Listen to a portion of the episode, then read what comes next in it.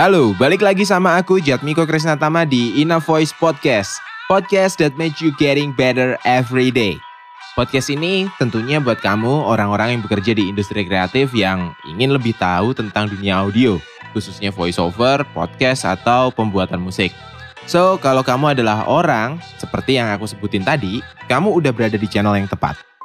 Kali ini kita bakal sedikit ngintip tentang konten apa aja sih yang sering dibuat sama voiceover talent di sosial media. Kenapa aku ngerasa perlu buat ngebahas hal ini? Karena aku ngeliat hampir semua voiceover talent itu ngebuat konten yang sama.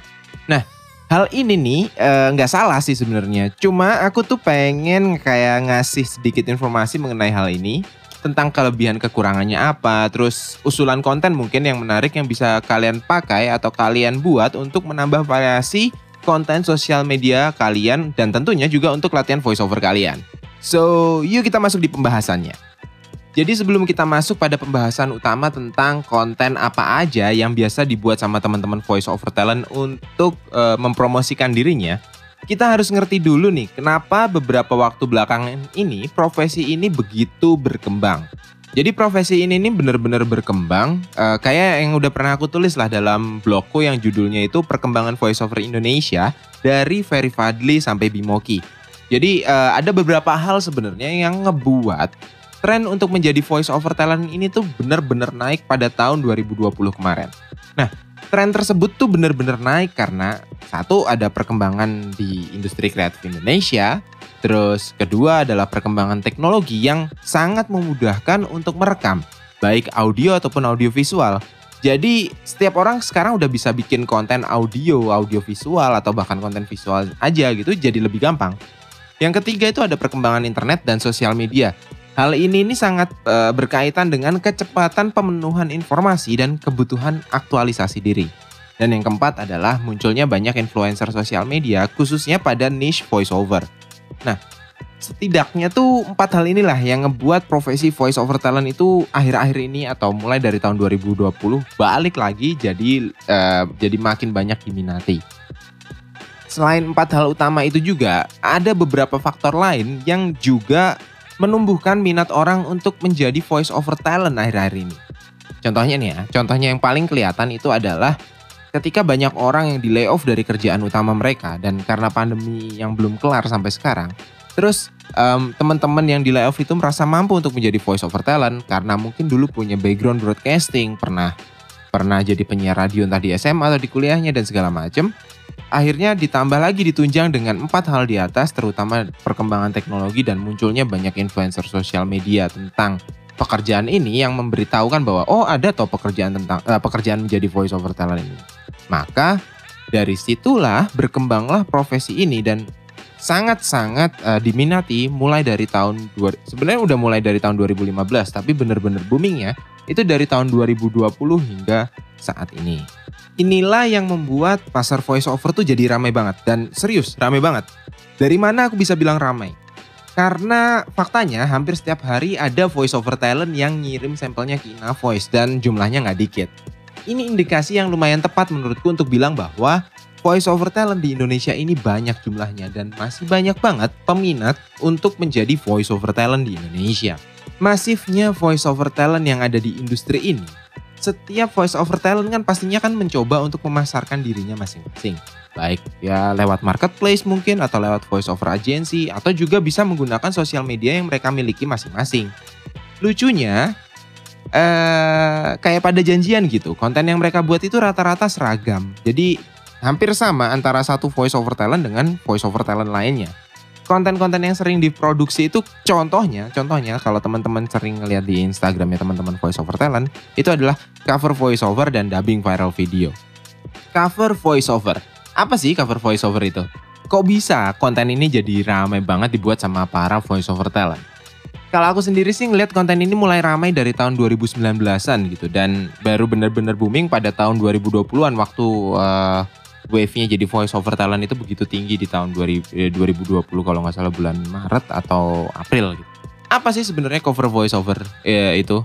mungkin teman-teman voice over talent yang memulai pertama kali ini nih ngikutin tren cover lagu kali. Jadi sebenarnya konsepnya sama kayak cover lagu, tapi yang ini yang di cover adalah project voice over orang lain atau voice over talent yang lain atau produk lain dan diupload ulang melalui sosial media mereka masing-masing. Jadi sebenarnya hal ini nih oke-oke aja dan nggak bermasalah.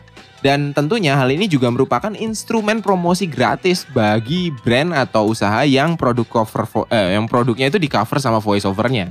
Jadi ya menurut pri saya pribadi sih nggak bakal ada masalah untuk copyright claim atau apalah kayak gitu.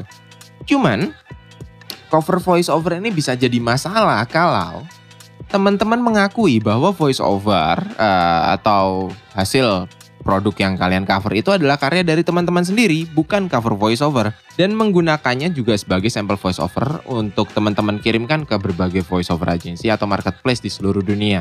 Jadi eh, kesannya kayak ngaku-ngakuin pekerjaan orang lain jadi pekerjaannya teman-teman gitu. Itu itu sebenarnya nggak boleh. Karena itu kan portofolio ya. Kalau ini kan sebenarnya bahan latihannya teman-teman sendiri aja kayak gitu. Nah, kalau buat aku sih Uh, tentu itu nggak akan bermasalah hukum ya, cuman lebih ke masalah etika bisnis saja, eh, etika penggunaan karya orang lain juga sebenarnya. Jadi cover voice over itu menurutku cuman oke okay buat digunain untuk latihan voice over dan jangan sampai dikirim untuk jadi sampel voice over teman-teman ke voice over agency atau voice over marketplace. Apalagi kalau teman-teman sampai mengakui bahwa ya ini karyaku loh, ini ini aku pernah mengisi ini jadi portofolioku dan itu dikirimkan ke klien. Wah itu um, pencurian sebenarnya. Kalau menurut gue ya. Tapi memang belum ada hukum yang uh, mengaturnya sih. Jadi terserah teman-teman aja.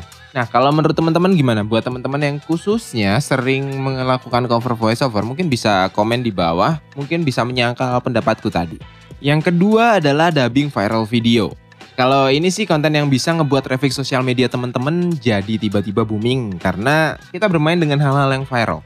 Jadi gini teman-teman, dubbing viral video itu adalah teman-teman mendabing video apa aja yang lagi viral. Contoh mungkin yang bisa teman-teman temuin di banyak sekali konten-kontennya Mas uh, Bimoki. Konten-konten sosial media khususnya Instagramnya Mas Bimo.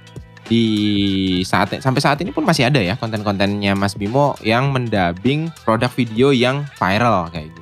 Atau kalau misalnya teman-teman bingung dengan konsep dubbing viral video, teman-teman mungkin ingat satu konten yang namanya Odading Mangoleh yang bener-bener booming terus bahkan mangolehnya itu sampai jadi artis gitu di kalau nggak salah di stasiun salah satu stasiun televisi. Konten ini tuh emang menarik banget. Jadi menarik engagement untuk orang datang ke sosial medianya teman-teman ngelihat profilnya teman-teman bisa ngelihat konten yang lain yang ada di sosial medianya teman-teman. Tapi konten ini itu tuh nggak bener-bener baik untuk dilihat sama klien karena ya sifatnya yang entertaining terus ya cuman buat entertaining gitu. Bukan sebagai portofolionya teman-teman di dunia voice over kalau menurutku. Dan uh, ya pure cuman buat narik traffic aja. Tapi konten ini juga uh, bagus bagus buat teman-teman ngelatih apa? Ngelatih lip sync. Karena ngelatih lip sync itu susah loh sebenarnya uh, untuk belajar dubbing itu. Jadi teman-teman bisa ngatur ketepatannya lip sync dari satu konten dengan apa yang akan kalian bacakan. Kalau menurutku sih nggak ada salahnya ya bikin dua konten ini terus. Tapi kalau aku sendiri sih aku jadi cenderung bosen gitu karena seragam banget dari satu voice over talent ke voice over talent yang lainnya. Kayaknya ada yang kurang gitu kontennya. Nah jadi kalau buat teman-teman yang udah effort nih bikin dua profile Instagram ya gitu kan biasanya teman-teman voice over talent punya dua profile Instagram. Instagram yang pertama ya buat profile utamanya teman-teman, kesehariannya teman-teman dan segala macam dan yang satunya adalah buat jualan sampel realnya. Nah Uh, kalau menurutku akan lebih oke okay kalau kontennya itu dibikin lebih variatif ya untuk yang di profile Instagram yang teman-teman buat jualan sampel real. Biar aku juga atau teman-teman yang lain yang mau mengkonsumsi kontennya itu nggak nggak monoton. Mari atau ayo kita coba pikirin ide lain yang mungkin bisa teman-teman buat sebagai voice over talent. Kalau dari aku nih ada beberapa saran konten. Tapi mungkin teman-teman nanti bisa kembangin sendiri ya saran dari saran dari kontenku ini terus nanti bisa teman-teman kembangin sendiri. Kalau dari aku, saran kontenku yang pertama adalah monolog podcast. Jadi apa itu monolog podcast? Ya kayak podcast Ina Voice ini. Podcast ngomong sendirian dengan skrip yang udah kamu tulis duluan, terus kamu baca, kamu sesuaiin karakternya dengan calon pendengar kamu. Kamu upload di Spotify dan kamu upload di sosial media lain sebagai teaser atau previewnya. Kenapa monolog podcast jadi penting menurutku? Karena percayalah podcast akan jadi salah satu media baru yang ke depannya akan makin diperhatiin orang. Jadi research dari Spotify juga bilang kayak gitu kalau teman-teman udah pernah baca Next Gen Research dari Spotify. Kalau nggak salah sih namanya Next Gen Research ya dari Spotify. Kalau teman-teman pernah baca itu, uh, Spotify memperhitungkan bahwa podcast adalah media baru yang nantinya akan menjadi lebih booming lagi. Nah, jadi dengan data-data atau dari penelitian yang sudah dilakukan oleh banyak orang, sebelumnya atau dari salah satu uh, perusahaan uh, besar juga si Spotify itu kenapa nggak teman-teman start podcast teman-teman sendiri dengan gaya atau dengan caranya teman-teman sendiri jangan lagi sampai teman-teman itu telat kayak ya ketinggalan di first wave dan second wave-nya podcast kayak kemarin-kemarin atau nggak ada salahnya kan bikin podcast buat latihan voiceover juga itu tadi uh, saran konten pertama dari aku bikin monolog podcast. Kalau saran konten yang kedua adalah tetap cover voiceover tapi naskahnya diubah. Jadi yang teman-teman perlu lakuin adalah mentranskrip ulang voiceover yang udah ada, terus dirubah kayak aktivitasnya, subjeknya, biar ketika udah selesai ditranskrip, teman-teman bisa ngerekam naskah itu dan jadi satu bentuk uh, voiceover baru, bukan mengikuti voiceover yang lainnya atau produk voiceover yang sebelumnya sudah pernah dibuat. Setelah teman-teman ngerekam suara teman-teman yang udah kalian rekam sendiri dengan naskah yang sudah kalian transkrip, jangan lupa teman-teman kasih uh, video yang free copyright juga, terus kasih musik yang free copyright juga, terus kalian upload sendiri di sosial media kalian. Ini lebih lebih etis menurutku dibandingkan cover voiceover yang yang langsung aja gitu langsung main di cover aja terus dipublish di sosial media karena ya itu tadi kalau memang hanya untuk latihan voice over tolong sertakan di caption mungkin bahwa ini adalah bentuk latihan voice over jangan juga akui bahwa itu merupakan sampel atau portofolio pekerjaan kalian karena ketika klien melihat itu nanti bisa jadi apa ya bisa jadi bumerang juga buat teman-teman di ke depannya. Nah saran kontenku yang ketiga adalah cari video yang belum ada voiceovernya terus kalian bikin teksnya dan kalian isi dengan voiceover. Mungkin teman-teman bakal nanya, emang ada video yang belum ada voiceovernya ya? Uh banyak. Ada dong, coba search aja platform-platform berita gitu di sosial media. Nggak, nggak semua berita yang ada di sosial media atau video yang ada di sosial media tentang berita gitu menggunakan voiceover. Uh, coba teman-teman cek uh, kayak kumparan, terus ada historia kalau nggak salah videonya tuh konten uh, video konten-kontennya tuh rata-ratanya nggak pakai voiceover dan udah ada teksnya malah. Tinggal dibacakan ulang sesuai dengan timecode yang dia ba yang dia kasih di video itu. Ini peluang loh buat teman-teman semua untuk bikin konten dan bikin untuk menyebarkan konten berita itu lebih lebih apa ya lebih lebih menarik gitu dengan menggunakan voiceover. Syukur-syukur teman-teman jadi in-house voice over talent dari kantor berita-kantor berita yang mempublish produk tersebut. Oke, segitu dulu podcast dari Ina Voice. Aku harap teman-teman dapat informasi yang lebih ya dari konten yang aku buat ini dan tentunya menjadi lebih baik setelah mendapat informasi dari podcast ini. Always remember, you deserve better. See you in the next episode.